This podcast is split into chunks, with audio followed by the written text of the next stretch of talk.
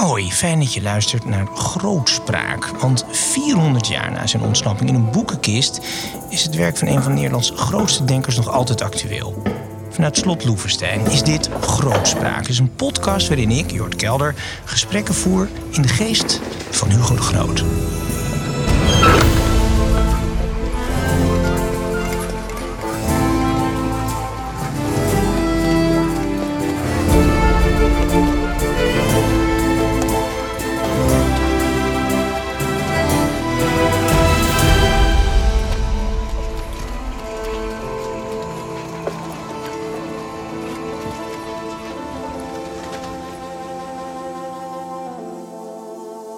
En het thema van deze eh, aflevering van de podcast is het oorlogsrecht. En als ik zeg het oorlogsrecht, dan denk je natuurlijk meteen... jawel, 1625, over het recht van oorlog en vrede. Geschreven door de heer Grootjes, Hugo de Groot.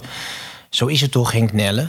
Ja, het is inderdaad een beroemd boek. Ik verwijs altijd uh, graag naar de eerste folio van uh, Shakespeare en uh, van Copernicus, De Revolutionibus. Dat soort boeken die zijn zo beroemd geworden dat men heeft geprobeerd om alle eerste drukken in bibliotheken, openbare bibliotheken, te achterhalen. Het is inderdaad een mijlpaal in de intellectuele geschiedenis. Zo mag je toch zonder enig chauvinisme wel verkondigen. Want Henk, het op zich oorlogsrecht bestond al wel, of is hij de eerste die het codificeerde?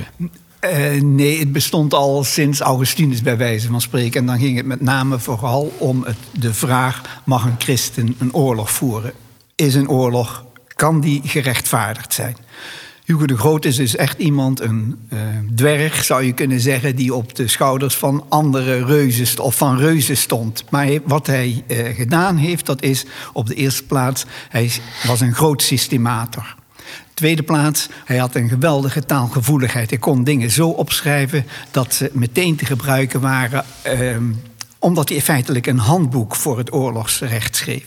En het derde punt is dat hij uh, een stroming heeft opgepikt, de stroming van het natuurrecht. En in dat opzicht is hij echt een trendsetter geweest. Dat natuurrecht, dat is eigenlijk een uh, idee dat goed is uh, in algemene morele zin, in juridische zin, wat goed is voor de gemeenschap. En alles wat tegen de gemeenschap ingaat, wat afbreuk aan de gemeenschap uh, doet, dat is tegen het natuurrecht. Dus dat gemeenschapsbesef dat wij mensen eigenlijk als afstammelingen van Adam en Eva één grote familie zijn, dat heeft Hugo de Groot als basis voor dat natuurrecht uh, gebruikt. En binnen dat natuurrecht zag hij dan dat ieder individu, ieder menselijk wezen het recht had op uh, lijfsbehoud, op een comfortabel leven en daarmee ook bijvoorbeeld op recht op eigendom, schulden betaald te krijgen. En daarboven construeerde hij nog een, een laatste regel die inhield dat als je dat natuurrecht op grove manier overtrad, dan was eigenlijk ieder mens gerechtvaardigd om bestraffing uit te delen. Want door het natuurrecht te overtreden,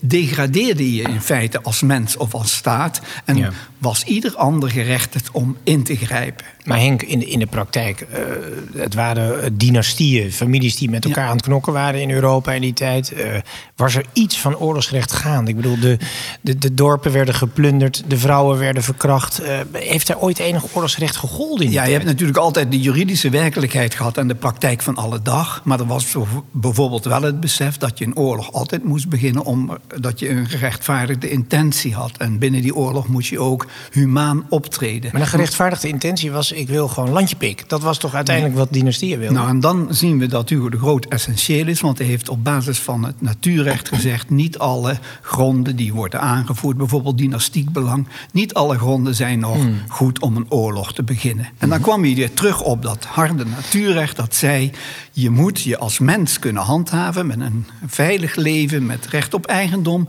Als iemand dat uh, met voeten treedt, dan moet je naar het gerecht stappen en proberen op die manier gelijk te halen. Lukt ja. dat niet, bijvoorbeeld omdat een rechtbank niet functioneert of afwezig is, zoals bijvoorbeeld op open volle zee, dan mag je als mens uh, een oorlog beginnen. Dan mag je als individu geweld toepassen of als staat oorlog beginnen. En dat was dus, Dus op open zee waren de handschoenen uit. Dat was Mare Nostrum, daar kon je dan wel tekeer dan gaan. kon je inderdaad, als je op, op een andere manier niet je recht kon halen, kon je geweld toepassen. Maar we moeten niet vergeten dat dat natuurrecht eh, door Hugo de Groot omkleed is met allerlei morele principes. Bijvoorbeeld het feit dat vanwege eh, het voortbestaan van de mensheid als grote familie je altijd humaan moest optreden. Hmm. Een oorlog mocht je dan wel misschien in uitzonderlijke gevallen voeren, beginnen. Maar als je die oorlog voerde, moest je toch ehm, bijvoorbeeld het proportionaliteitsbeginsel Ja, ja. in aanmerking nemen. En hij zei ook: van een christen wordt ook in een oorlog zelfs nog meer verwacht. Dat noemde hij een soort ehm, ja, bovennatuurlijke plicht om iets extra's te doen. Want zonder dat extra zou een wereld eigenlijk. Maar is dit een dode letter geweest in over het recht van orde en vrede in zijn boek?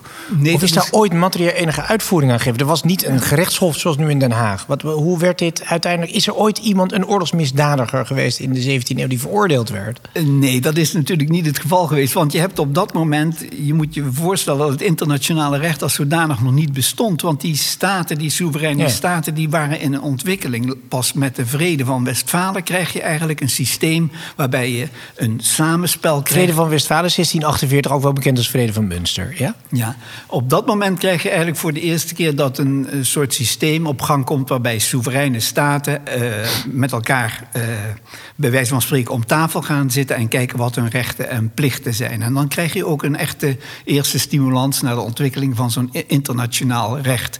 Daarvoor was het eigenlijk dat inderdaad dynastieke belangen of oorlogen om eh, direct eh, territoriaal gewin eh, gevoerd werden. Natuurlijk ja. nog altijd onder het mom van een goede, rechtvaardige oorlogsgrond. Akkoord. Nou, gaan we even naar de moderne tijd. Eh, De gasten welkom heten Jan Tijmen Mink Blok, adviseur internationaal humanitair recht bij het Rode Kruis. Eh, Welkom. En Esther Chavan, eh, jij doet voor het Haag Centrum voor Strategische Studies onderzoek naar autonome wapens. Dus eigenlijk wat in een moderne oorlogvoering ingezet wordt. En je bent zelfstandig onderzoeker nu, hè? Ehm, eerst even beginnen met jou, Jan. Als je zo dat, ken jij over het recht van orde en vrede van Hugo de Groot? Is dat voor jou standaardwerk? Eh, het is geen standaardwerk, maar ik ben, eh, ik ben bekend met, eh, met de, de relevantie ervan. Ja, want ik kan me zo voorstellen, het Rode Kruis, die nou, uiteraard mensen in nood probeert te helpen, ook in, ook in oorlogssituaties, Ja. ehm, dat dit ongeveer wel het fundament is waar de beschaving op eh, gehuisvest wordt. Ik, ik denk nu niet dat, dat ik het recht heb om, om dat oordeel te vellen, maar het, het heeft zeker bijgedragen aan het gedachtegoed van het humanitair oorlogsrecht in, in het algemeen.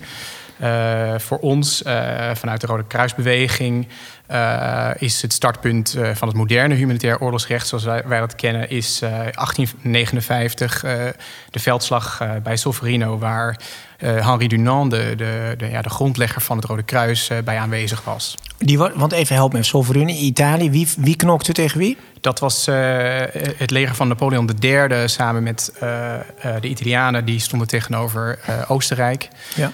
Henri Dunant die, was eigenlijk een zakenman, een bankier. Hij had een, een aantal investeringen, waaronder een belangrijke investering in Algerije. En eh, daar liep hij tegen een aantal eh, problemen op. En eh, hij vond het een goed idee om op onderweg terug naar Genève... om langs Solferino te gaan... omdat hij wist dat Napoleon III daar aanwezig zou zijn. En op die manier dacht... ik presenteer het boek dat ik over hem heb geschreven. En, eh, Had een boek over Napoleon geschreven. Ja, dat- Toen nog origineel. Inmiddels zijn er duizenden Napoleon-biografieën, maar goed. Inderdaad. Althans over de Napoleon 1 dan natuurlijk. Ja, inderdaad. En eh, hij dacht, nou, een lovend boek eh, voor Napoleon.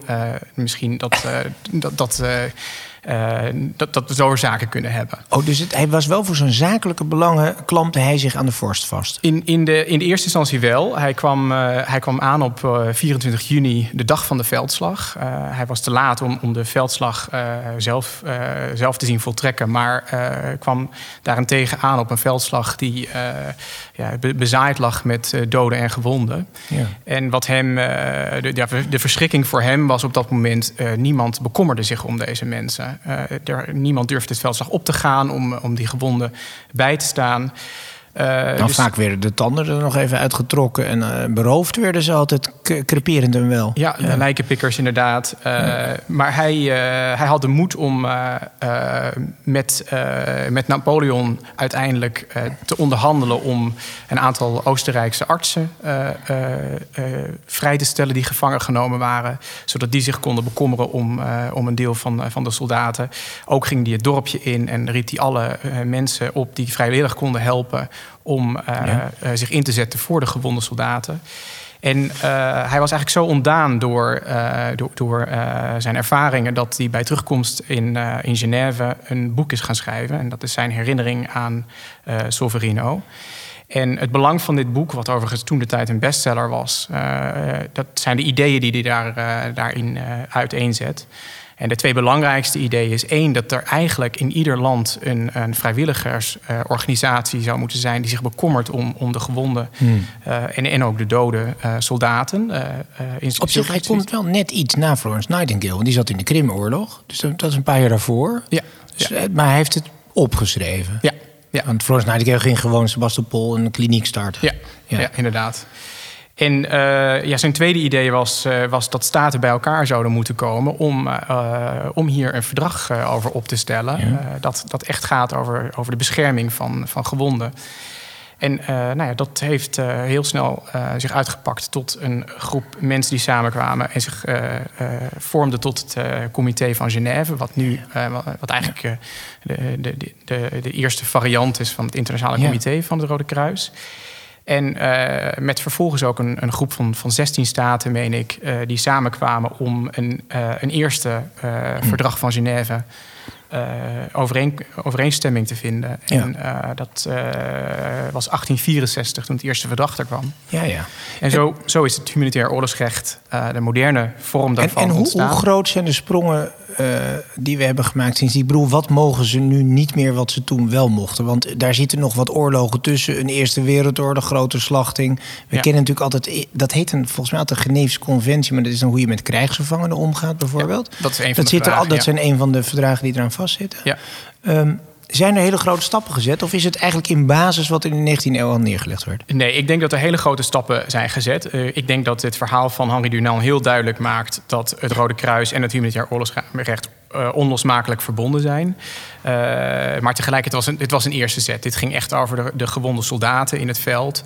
En uh, inmiddels gaat het inderdaad ook over krijgsgevangenen. Het gaat ook over burgers. maar het gaat ook over de inzet van wapens en van, van middelen en methoden. Van, van, van hoor, boven ons wordt nu trouwens een Chinook ingezet, hoor ik. Er wordt een tweemotorige helikopter komt nu over, over slot Loevestein. Sorry. Ik, kan je, zeggen dat het geen schending is van het humanitair oorlogsrecht. Oké. er is altijd een recht op oorlog gebleven. Eigenlijk een recht op zelfverdediging, denk ik. Ja, en ik denk dat dit voor, voor, uh, voor het Rode Kruis, vanuit onze neutrale positie, is dit een heel belangrijk punt. Want eigenlijk hebben we het over twee rechtsgebieden. En dat was uh, in, in, de tijd van Hugo de Groot, uh, liep dat nog heel erg samen. Dat viel allemaal onder de, de, de doctrine van de gerecht, gerechtvaardigde oorlog. Mm -hmm. nu spreken we over ad, ad bellum en in bello. Ad bellum is, is het recht om ten oorlog te gaan, om, om oorlog te voeren. Uh, dat, dat zit hem met name in het VN-handvest. Uh, dat heeft, het gaat over het recht op verdediging en dat soort zaken. Moet, het moet altijd defensief zijn. Uh, een rechtvaardige oorlog zou in die zin defensief moeten zijn. Maar het humanitair oorlogsrecht valt onder in bello. En de, de stellingname is vrij simpel. wat de reden is waarom partijen oorlog aan het voeren zijn, dat doet er niet meer toe. Nee. Er is immers een oorlog en omdat er een oorlog is, moeten er regels zijn. Ja, waarom moeten er eigenlijk regels zijn in een oorlog? Ik zou zeggen, dat is nou de enige toestand van de mens waarin helemaal geen regels meer zijn. Het is leven en dood. Nou, ik denk dat, uh, dat, dat er realistisch gekeken moet worden wat, met wat het doel uh, van, van een oorlog is. Uh, en het doel van een oorlog is niet om dood en verderf te zaaien. het doel van een oorlog is om bepaalde belangen ja. te, te, behalen. En en dan zijn er regels die zeggen dat dat moet je doen door uh, zo min mogelijk schade. Uh, maar, maar, als de Russen in 1943, waar de oorlog in de Tweede Wereldoorlog kantelt. Ik weet dat jullie nooit over concrete situaties oordelen vellen. Maar als het Rode Leger niet meedogenloos te werk was gegaan in alle opzichten. waren ze nooit in april 45 in Berlijn aangekomen. Ja, daar kan ik inderdaad niet op ingaan. Uh, maar ik, weet ook niet, ik weet het ook niet of het zo is. Hoor, ik, ik, weet ook niet of het zo is, inderdaad. Dat, uh, dat... Het had misschien iets langer geduurd. Ja. Maar nou ja, ze keken ook niet erg naar de verliezen in eigen gelederen. Nee. Maar, maar even dus, de, wat is de grootste... Als, je dus, als we nou bij de groot beginnen... en we zijn nu in 2021... Wat is de grootste uh, stap die we gezet hebben in het oorlogsrecht, vind jij? Nou, ik denk dat, uh, uh, dat, dat zo'n voorbeeld wat je, wat je net noemt... dat dat altijd met zichzelf mee, meebrengt dat we uh, weer heroverwegen of de wetgeving die er nu is, of die voldoende is. En her, pak ik nog even terug op het eerste verdrag van Genève uit 1863. Dat ging echt over de gewonde soldaten.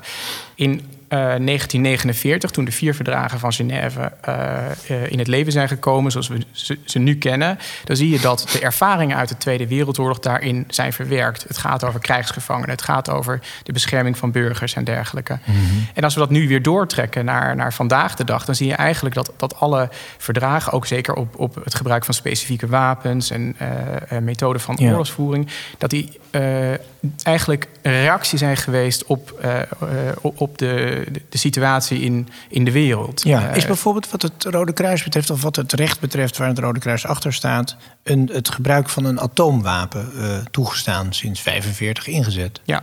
Nou, dat is, dat is een moeilijke kwestie. Uh, eerst, allereerst moet ik zeggen dat er uh, sinds 22 januari dit jaar een, uh, een verbodsverdrag is.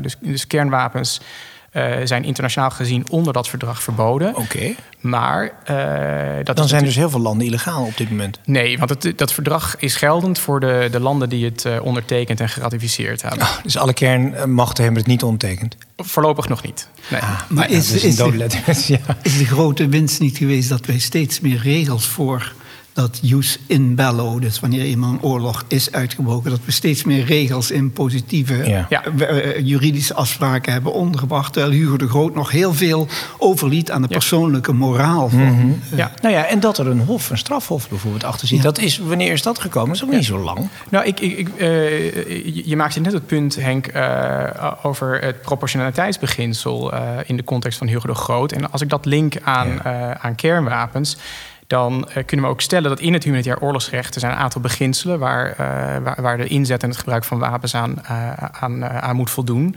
En dat gaat inderdaad over het maken van onderscheid, ja. propor proportionaliteit en dergelijke.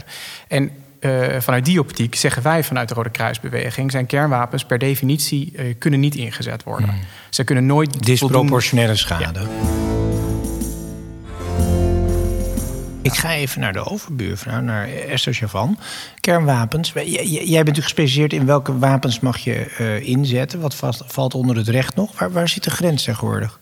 Ja, kijk, ik ben niet helemaal gespecialiseerd in het oorlogsrecht op het niveau dat Jan dat is natuurlijk. Um, ik heb echt vooral gefocust op moderne, moderne wapens en de kruising met technologie. Eigenlijk is voor jou een kernwapen al niet eens een modern... dat is al een ouderwets wapen eigenlijk. We praten meer over drones dan, hè? over technologie, over ja, cyber. Dus de focus met technologie bedoel ik ook de, de, de kruising van wapens met technologie... die ook alledaags gebruikt worden. Dus bepaalde algoritmes of, of vormen van technologie... die je ook civiel gebruikt. Ja. ja een kernwapen gebruik je natuurlijk niet eh, om je computer te poweren. Dat, dat doe je Uh, niet. nee. Nee. Um, dus in die zin valt dat niet onder wat ik heb onderzocht.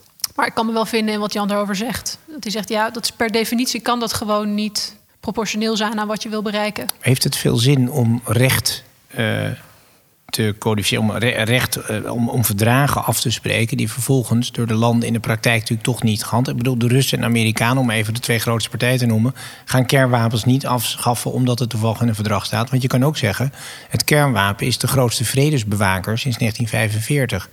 De, de nuclear deterrent, iedereen is er zo bang van... dat je het wel uit je hoofd laat om een land binnen te vallen.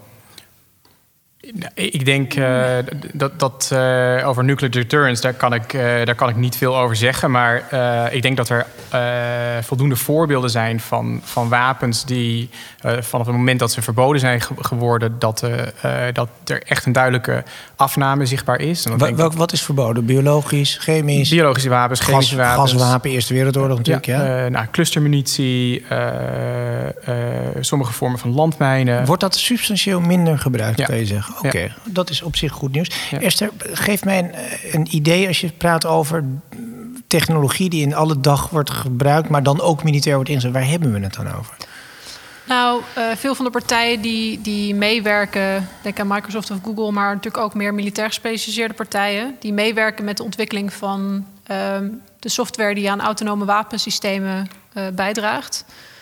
En wat is een autonoom wapensysteem? Autonoom wapensysteem, dat is, het is natuurlijk heel erg een definitiekwestie. Ehm, je kunt het vrij breed trekken, maar het gaat er eigenlijk om dat um, het proces van bijvoorbeeld doelwit, doelwitten bepalen um, en besluiten of je daar wel of niet op vuurt in een conflict, om dat zoveel mogelijk meer over te laten aan technologie en aan het technologische besluitvormingsproces. In plaats van dat het enkel bij de mens ligt. Maar dan is er geen dader meer, dan heeft het algoritme het gedaan. Maar het algoritme is door iemand bedacht. Ja, dat is natuurlijk een beetje het gevaar. Wat ik hier altijd, in ieder geval aan beleidsmakers, altijd probeer duidelijk te maken, en niet alleen ik natuurlijk, um, is dat uiteindelijk de besluitvorming die er achter zo'n algoritme en achter überhaupt het hele wapendesignproces is, heeft gezeten, die mensen zijn daar nog steeds verantwoordelijk voor. Maar iemand die dus bij Google werkt, al is het maar in een venture van Google die geen Google heet, maar dus wel meewerkt aan dit soort de ontwikkeling van dit soort algoritmes die militair ingezet kunnen worden, die is eigenlijk uiteindelijk aansprakelijk voor misbruik van het algoritme. Nee. Terwijl het ook nog civiel gebruikt kan worden. Dat is best ingewikkeld. Nee, nee, nee. Dat zijn dus de mensen die bij bijvoorbeeld het ministerie van Defensie ja, ja. of bij een krijgsmacht... Die op zo'n joystick ergens in Amerika een drone zit te bedienen. Niet. Die ehm, ook niet. Want dat is kijk, hoe het wordt nu helemaal gaat, aan het begin van het proces... heb je als krijgsmacht of als defensieministerie... je maakt besluiten over dit zijn onze ethische principes... dit is het recht waar we ons aan houden... dit is wat we hebben getekend, dit is wat we willen... dit is de landen met wie we samenwerken, dit is met wie we niet samenwerken. Al die besluitvorming die zit erin wie je inhuurt om, het, om de software te bouwen... Mhm. hoe je daarmee traint, hoe je je mensen daarmee opleidt. Dat wordt allemaal echt van tevoren ook bepaald...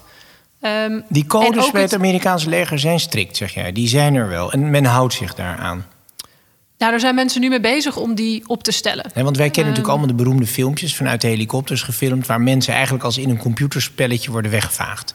Je ziet een paar jongens op een truck en zoep, weg is die. Ja, maar kijk, het, het, het, idee dat je alleen die persoon die op de knop heeft gedrukt... verantwoordelijk houdt voor het gebruik van een systeem waar hij op vertrouwt... maar dat er heel veel andere mensen is ingegeven hoe dat werkt... dat is natuurlijk een beetje een gek idee. Dat mhm. alleen die laatste persoon in, die, in de cyclus... terwijl er zo'n jarenlang proces aan ja. is gegaan... Dus is daar natuurlijk niet de enige verantwoordelijkheid Dus, dus waar enig jij in de verantwoordelijkheid? Ja, de minister van Defensie, de president. Maar tot, tot waar gaat dit? Um, ja, kijk, het komt dan in de praktijk inderdaad bijvoorbeeld in Nederland neer op de minister van Defensie. Maar waar het meer om gaat, is het dat, dat besef, dat is vaak gebrekkig. Dat dit een heel lang voorproces is van verantwoordelijkheid. En dat als je als land beweert dat je je houdt aan het humanitair oorlogsrecht, dan moet je daar van begin af aan mee bezig zijn. Heb jij ook onderzoek gedaan naar wat wij in Afghanistan hebben uitgevroten? Hebben we ons daar altijd aan het oorlogsrecht gehouden? Nee, maar goed, dat is denk ik. Ehm, dat is ten eerste niet helemaal aan mij om te zeggen, denk ik. Dat is gewoon niet mijn veld. Ehm, en dat is een beetje wat ik ook bedoel met als je een land bent dat beweert: dit zijn de regels waar wij ons aan houden, dit zijn de afspraken die wij maken, en wij zijn een ethisch en juridisch correct land, dan moet je daar ook naar handelen. Ja, nou ja, god, we hebben natuurlijk hele discussies over. Is dat een besluit, zeg maar? Ja. Ja, maar ik, ik probeer dit. Kijk, ik, ik, wil niemand hier aansprakelijk voorstellen over het recht. Maar, maar Oké, wij hebben natuurlijk discussies in Nederland over. Uh, er is gebombardeerd op een site in Irak. Daar zijn doden gevallen. Um, dat was een foutje door de intelligence misschien. Er waren wat meer burgerslachtoffers dan ze. En dan zeggen ze ja, collateral damage kan gebeuren. Informatie was. Het is niet te kwade trouw gedaan. Het was niet de bedoeling om 200 mensen te doden. Maar ja, pech gehad. Wat, wat heeft het überhaupt het recht hier nog te doen? Dit is hoe het in de grote boze buitenwereld gaat. Kan het recht hier iets aan doen? Uh, ik, ik, denk dat het recht hier iets aan doet, al uh, per definitie. Ja, ik, uh, een debatje in de Tweede Kamer dat doodloopt? Niet, niet alleen een debatje in de Tweede Kamer. ik denk, allereerst moet ik vooropstellen dat het humanitair oorlogsrecht heel realistisch is. het is anders dan, dan bijvoorbeeld de mensenrechten, waar je als individu je rechten kan claimen. Mhm.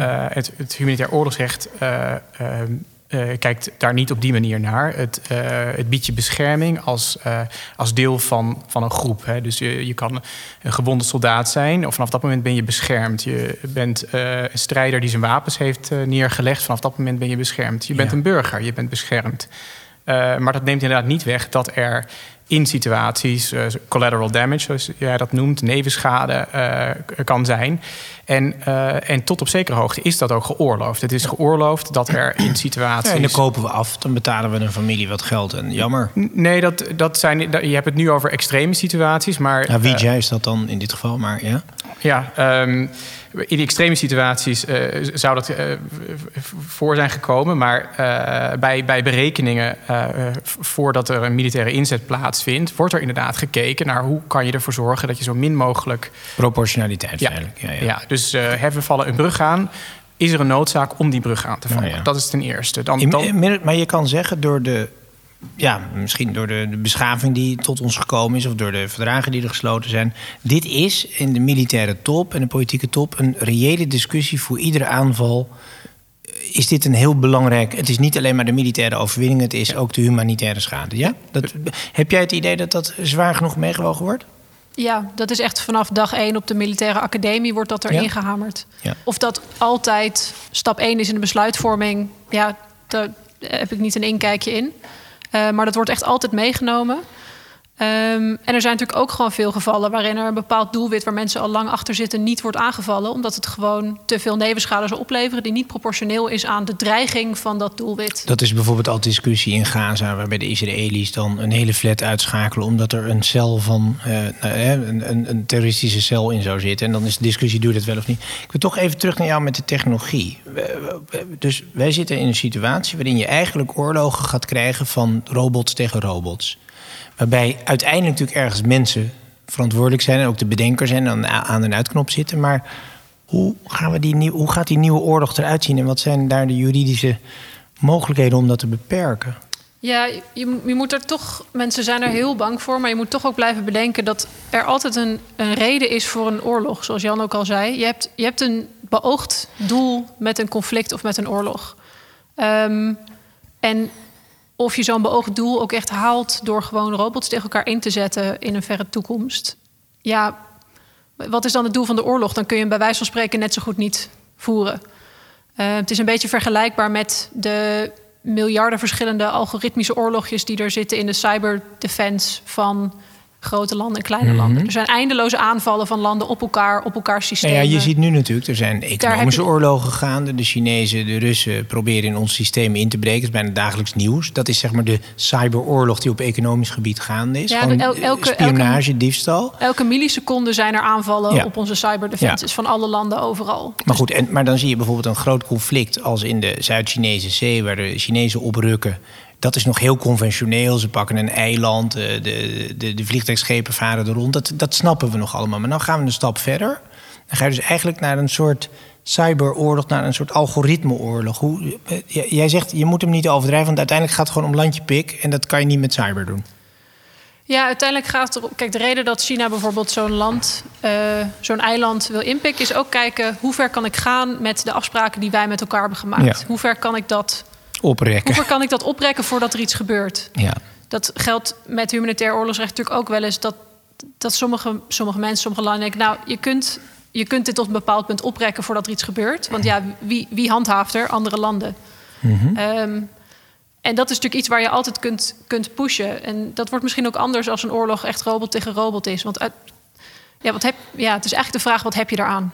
Waarom zou je dat ja, willen? Ik weet het niet. Het gaat me. Het vind het wel moeilijk om me erbij voor te stellen hoe een robotoorlog eruit ziet. Maar wat ik bijvoorbeeld wel een interessante en ook wel enge, maar ook spannende ontwikkeling vind. Ik, ik zag ergens dat ze bijvoorbeeld tegenwoordig drones kunnen uitdossen uh, met, ja, uiteraard met kunstmatige intelligentie, dus met gezichtsherkenning. Zo'n droontje, heel klein droontje, wat je in je hand kan houden, daar zit een, een beetje springstof op. En dan kun je dus eigenlijk terrorisme één op één. Dus je hebt geen collateral damage meer. Dus je hebt niet iedereen. Maar je pakt in één keer. Het zou iets voor de Mossad zijn. Je schakelt in één keer iemand plop uit. Is dit winst of is dit verlies? Want het is beter dan een bomaanslag waarbij een hele dorp uitgemoord wordt. Ja, um, ik vind het eigenlijk wel winst. Op, op papier wel. Um, in de praktijk is het natuurlijk zo dat je afhankelijk bent van of je ook echt wel het goede doelwit hebt. Ja, Hoe heb je dat bepaald? Ja. Hoe heeft je droontje dat bepaald? Hoe heeft je algoritme dat bepaald? Hoe kun je dat vertrouwen? En wie zit ertussen om te bepalen of je dat kunt vertrouwen? Hoe lang moet je dat. Maar gaat dat recht hier ergens. Gaat dit verboden worden? Gaat dit, ja, hoe gaan we er hiermee om? Nou, um, Want dit is best wel een freaky ontwikkeling, toch? Daar denk ik specifiek over humanitair oorlogsrecht. kan ik dat deels ook aan Jan overlaten om daar iets over te zeggen. Maar in zekere zin krijg je dan ook die scheiding van wat hij al uitlegt van jus ad bellum. Dus mag ik überhaupt een conflict starten? Mag ik geweld gebruiken? En jus in bello, ehm, hoe, hoe handel ik binnen, het, Mhm. binnen de context van het conflict? Dus ja, je kunt inderdaad bijvoorbeeld een terrorist of een terroristische cel heel makkelijk uitschakelen. Ja. Maar als er geen conflict is, waarom ben je geweld aan het gebruiken om mensen Ja, uit te moorden? Hoe definieer je een conflict? De, de, de, worden Ja, dat is in, dus precies in- het probleem. In, ja, in Iran worden eh, eh, Persische wetenschappers worden uitgeschakeld. Men denkt door de, door de Israëliërs, maar dat weten we dus niet, want die zeggen niks. Ehm, die zeggen ja, maar zij zijn een kernwapen aan het ontwikkelen, dus wij moeten iets doen. Hè? Dat is een beetje de suggestie. Dat, dit, is, dit zit in een soort grijs gebied waar niemand aan te pas komt. Er wordt gewoon een keer een vent vanaf een motorfiets neergeknald. En dat Maar dit is niemand te veroordelen. Dit is natuurlijk een ontwikkeling die niet valt of staat met, met een vaag concept van killerrobots. Dit is een Nee. concept die al langer aan de gang Dit is gewoon een conventioneel iemand Dit is- liquideren. Dit is natuurlijk ook, dit heb je al sinds, eh, sinds Amerika drones naar het Midden-Oosten of naar Pakistan stuurt om bepaalde doelwitten uit te Ja. schakelen. Heb je de vraag: ja, maar in Pakistan is er helemaal geen oorlog. Waarom ben je hier dan als buitenstaander geweld aan het gebruiken? Dat kan toch helemaal niet? Preventief. Ja, maar preventief is er geen oorlog. Dus dan, dus dan ben je gewoon iemand aan het vermoorden. Dat is natuurlijk, dat is natuurlijk dat, dat is de, de dubbelzijdigheid die je hier hebt. Nou ja, maar omdat een oorlog ook niet meer tussen staten is. Een oorlog is natuurlijk ja, guerrilla, eh, individuen, Ja. terrorisme. Dat is natuurlijk een heel ander soort oorlog dan tussen twee landen. Ja, Ja. maar, maar het, het humanitair oorlogsrecht eh, eh, is pas, eh, geldt pas op het moment dat er eh, sprake is van een gewapend conflict. En eh, dat, dat, eh, dat moet allereerst getoetst worden. Overigens vindt die, vindt die toetsing eh, plaats eh, op, op de ministeries van Defensie, eh, ook bij het Rode Kruis. En eh, het kan zijn dat, eh, wij noemen dat het kwalificatievraagstuk, dat dat, dat afwijkt. Dus dat wij, wij van mening zijn dat ergens wel een gewapend conflict is en een andere mening hebben. Dat kan. Eh, ja, je zegt in, eh, tussen staten. Hoe kan je nou een discussie hebben over een gewapend conflict? Dan kan je toch gewoon zien dat er geschoten wordt of wat? Ja, maar het is niet zo dat er bij een, eh, een eerste schot dat er gelost wordt, Oké. wordt dat, dat er een oorlog is. Nog bij de inzet van drones dat er sprake is van een oorlog. Ja, ja, tussen India en China op de grens is geen oorlog, maar het is wel een gewapend treffen geweest. 20 doden, bij wijze van spreken. Ja, dat. Bij wijze van spreken. Ja. En het zou kunnen dat je dan eh, dat de ene jurist dat analyseert en zegt: Ja, ja, ja. volgens mij is het wel een gewapend conflict. Ja. En een andere jurist zegt: het is niet Het is een gewapend conflict. grensconflict, dat is duidelijk. Als er in Europa een terroristische aanslag is, wordt het ook niet meteen een conflictgebied. Nee. Dus dat is natuurlijk. Nee. Het, het, vo- het grote voordeel van het humanitair oorlogsrecht is dat, eh, dat we zeggen: er, er is nu een gewapend conflict, dus is er een bepaalde mate van bescherming die Ja. toegepast wordt. Maar dat is dus niet wenselijk om dat in, eh, in vredestijd ook eh, van toepassing te hebben. Omdat dat, het voorbeeld wat ik net als je het vergelijkt met je mensenrechten, Mhm. eh, eh, de- in de realiteit zegt er, er kunnen burgerslachtoffers vallen. Dus op het moment dat we dat laten toepassen op, eh, op vredesituaties. eh, ja, dat, dat is niet wenselijk. Dus dat, die, die kwalificatie is wel belangrijk. En het, is, het zou heel makkelijk zijn als het enige wat we hoeven te doen is kijken wanneer er twee of meerdere landen met elkaar gaan knokken. Maar dat is he- helaas nu niet meer het geval. In ieder geval niet vaak meer het geval.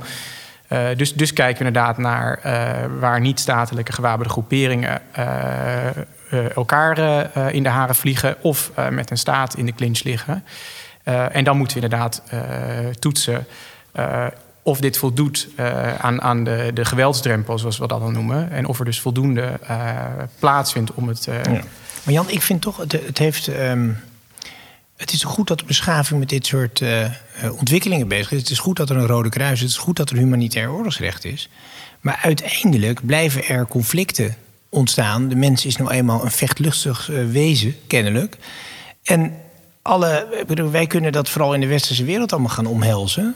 Maar daar is geen Al-Qaeda-lid, ISIS-lid, wie dan ook die zich daar aan gaat houden. Wat heeft het eigenlijk voor waarde? Want daar zitten het echte rotzakken. Of zeg ik het verkeerd? Ik, ik denk dat je het Die, verkeerd die, hebben, zegt. die weten niet eens hoe het Rode Kruis spelt. Ik, Wat ik maakt denk, het uit? eh, ik denk dat er eh, eh, slechte daden en goede daden, daden door zo- zowel niet-statelijke gewapende eh, groeperingen maar als welke door oorlog staten. heeft het voorkomen? Eh, het, is alleen maar, het is alleen maar de schade opruimen later... en een paar lui naar Den Haag slepen. Dat wat hebben we in het Joegoslavië-conflict gezien natuurlijk. Wat Ja? het natuurlijk ook helpt voorkomen is bijvoorbeeld... wij vinden Al-Qaeda zo gevaarlijk dat we het wenselijk vinden... om steden te bombarderen, denkend dat daar iemand van Al-Qaeda zit. En Ja. het zal wel dat er dan mensen die we niet kennen, Ja. burgerslachtoffers bij omkomen. Maar dat, dat slaat allemaal terug op ons in het Westen, omdat wij ons geneigd zijn. ja, maar aan wij zijn degene die het getekend hebben. Kijk, Ja. Al-Qaeda heeft het niet getekend. Nee, maar dus, nou, dan zeg ik dus, wat is het een dode let? Heeft het zin? Het is leuk dat de beschaafde wereld dat doet... en dan kan onze minister van Defensie aangepakt worden. Prima, lijkt mij winst. Maar voorkomt het enige oorlog, voorkomt het enige misdaad? Het is alleen maar achteraf.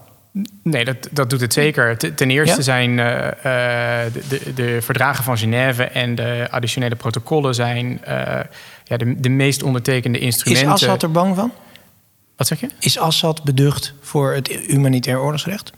Ik denk dat hij er zeker rekening Ja? mee houdt. Hij is er Ja? op de, van op de hoogte, ja. ja. Hij is En ik- van op de hoogte, ja. Nee, maar go- goed, Ja. schendingen, schendingen vinden in allerlei verschillende contexten plaats. Eh, maar het is ook heel belangrijk om te kijken niet alleen naar de schendingen die plaatsvinden, maar ook eh, eh, naar alle situaties waar het humanitair oorlogsrecht wel functioneert. Dus op het moment dat, dat een gewapende groep een ambulance doorlaat bij een checkpoint. omdat ze weten dat deze ambulance beschermd is. Dan, Ja. dan, hebben we, dan, dan, zi- dan zien we in de praktijk dat, dat het, het goed werkt, dat het goed Ja. functioneert. En eh, zo kan ik doorgaan, eh, ook uit eigen Dus je ervaring. zegt op dat ik- punt gewoon in het veld zijn wij als Rode Kruis zeer succesvol. En wordt dat Rode Kruis gerespecteerd nog altijd, globaal? Ja, ja ik, ik gaf dan toevallig het voorbeeld van een ambulance. En dat wordt inderdaad vaak gelinkt met het, met het Rode Kruis. Maar dat niet alleen. Het, het concept dat, eh, ik noem maar wat, eh, wij, wij, wij, we lezen over eh, schendingen waar eh, burgers als menselijke schilden gebruikt worden. Maar er zijn ook, ook situaties waar, waar, er, waar er bewust burgers beschermd worden door de partij die de controle heeft over het gebied waar die burgers bev- Ja, ja. zich bevinden. En Ja. dat, dat lees je niet terug in de krant.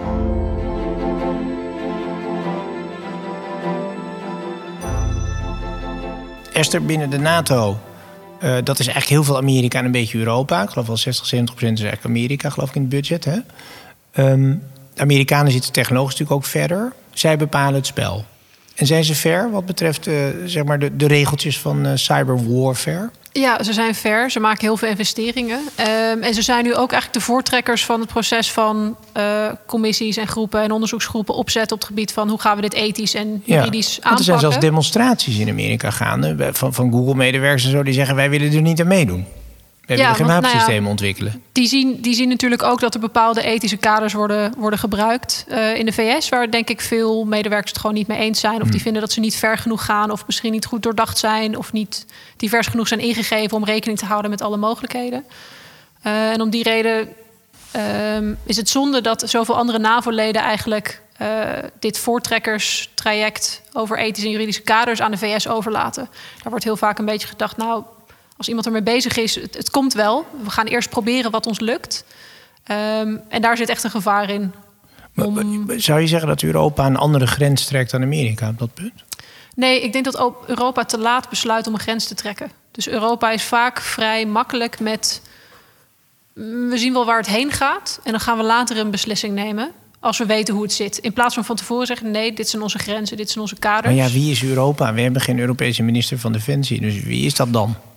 Ja, het zijn de, Euro- de Europese NAVO-partijen. Ja. Dus of de Westers-Europese NAVO-partijen. maar die lopen toch, die hinken toch gewoon achter de Amerikanen aan, kopen de wapensystemen ook voornamelijk daar. Dus ja, Ja, voor een deel wel. Maar je ziet zeker bij dit soort nieuwe technologie dat er ook echt heel veel in Europa wordt Ja. opgezet. Dus bijna elk land heeft zijn eigen ras. Dus robot, robotica en autonome systemen, eenheden, die zijn echt goed aan het trainen.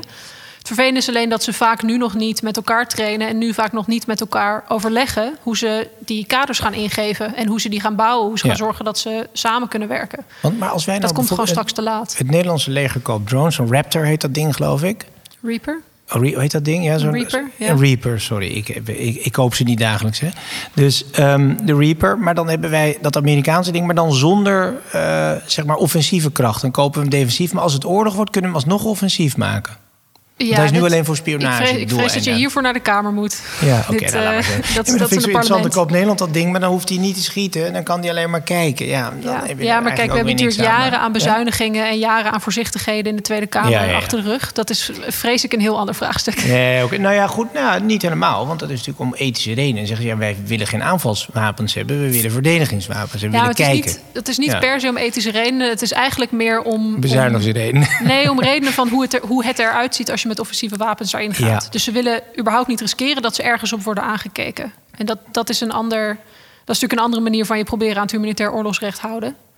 Ben je positief, Esther? Komt het goed met de wereld en met het recht? Ja, ik heb. oh, Gaat de goede kant op, vind je? eh, met dit hele verhaal. Als ik het van mensen van Klingendaal vraag, zeggen ze altijd... er zijn minder oorlogen, minder gewapende conflicten. Eh, we- doen allerlei development goals die we halen. Dus het gaat eigenlijk beter met de wereld. Mm, ik vind dat een beetje. Dat voelt een beetje struisvogelig. Ehm, er is wel ook een hoger percentage burgerslachtoffers. Dat stuk. Ja, nou laten we blij zijn, anders hadden we niks meer te doen, hè? Kunnen we ons nergens meer zorgen afmaken. Ik, dit is een hele cynische grap, Jan. Excuus daarvoor. Dank voor het Rode Kruis trouwens, wat jullie allemaal doen. Maar ik heb toch sterk het idee dat jullie werken en denken vanuit het idee dat het beter gaat met de wereld. Dat er toch wel sprake is van correctie Ja, van eh, de meest afschuwelijke oorlogsmisdaden.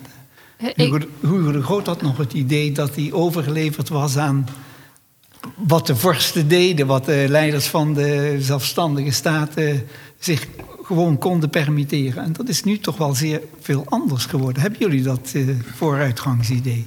Nou ja, het oorlogsrecht is per definitie een hand- handvat voor iedereen om, eh, om, om eh, in ieder geval dit, dit ter sprake te brengen en om elkaar verantwoordelijk te houden. Dus het is wat dat betreft niet meer tussen de vorsten alleen of in, in ons geval tussen de staten. Iedereen, iedereen kan hier een rol in spelen en, en dat, is, dat is een groot goed. Ja, mag ik daar nog één kort antwoord op geven? Dat ik in ieder geval voor mezelf sprekend werk vanuit het idee dat het beter kan, maar niet per se dat het beter gaat. Eigenlijk. nou dan hou je in ieder geval werk over. Dat is ook goed, Henk. Volgens mij, jij loopt het langste mee op deze planeet. Het is beter gegaan in jouw leven. Ja, toch, Henk? Ja, maar ik ben een uitzondering, denk ik wel eens. Nee, als nee, nee, babyboomer.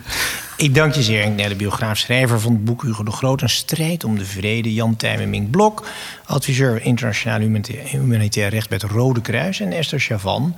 Je werkte met Haag Centrum voor Strategische Studies en Data Onderzoek. En doe je nu naar autonome wapens. En dat doe je nu als onafhankelijk onderzoeker. Ik dank jullie allen zeer.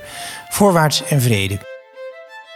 En dan zeg ik heel plechtig dank voor het luisteren. Want dit was Grootspraak, een podcast van de Stichting Vrienden van Slot Loevestein.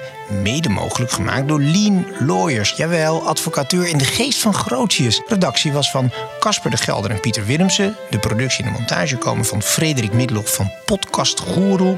De muziek is van Toon Vieira. Naar een idee van Frank van Hoorn en met dank aan de voorzitter Stefan Bergman van de Stichting Vrienden van Slot Loevestein. Wil je meer weten over Hugo de Groot? Dan kun je je abonneren op de podcast. Of je kijkt even op hugodegroot.nl slash grootspraak. Wij zeggen dank en leven de vrijheid.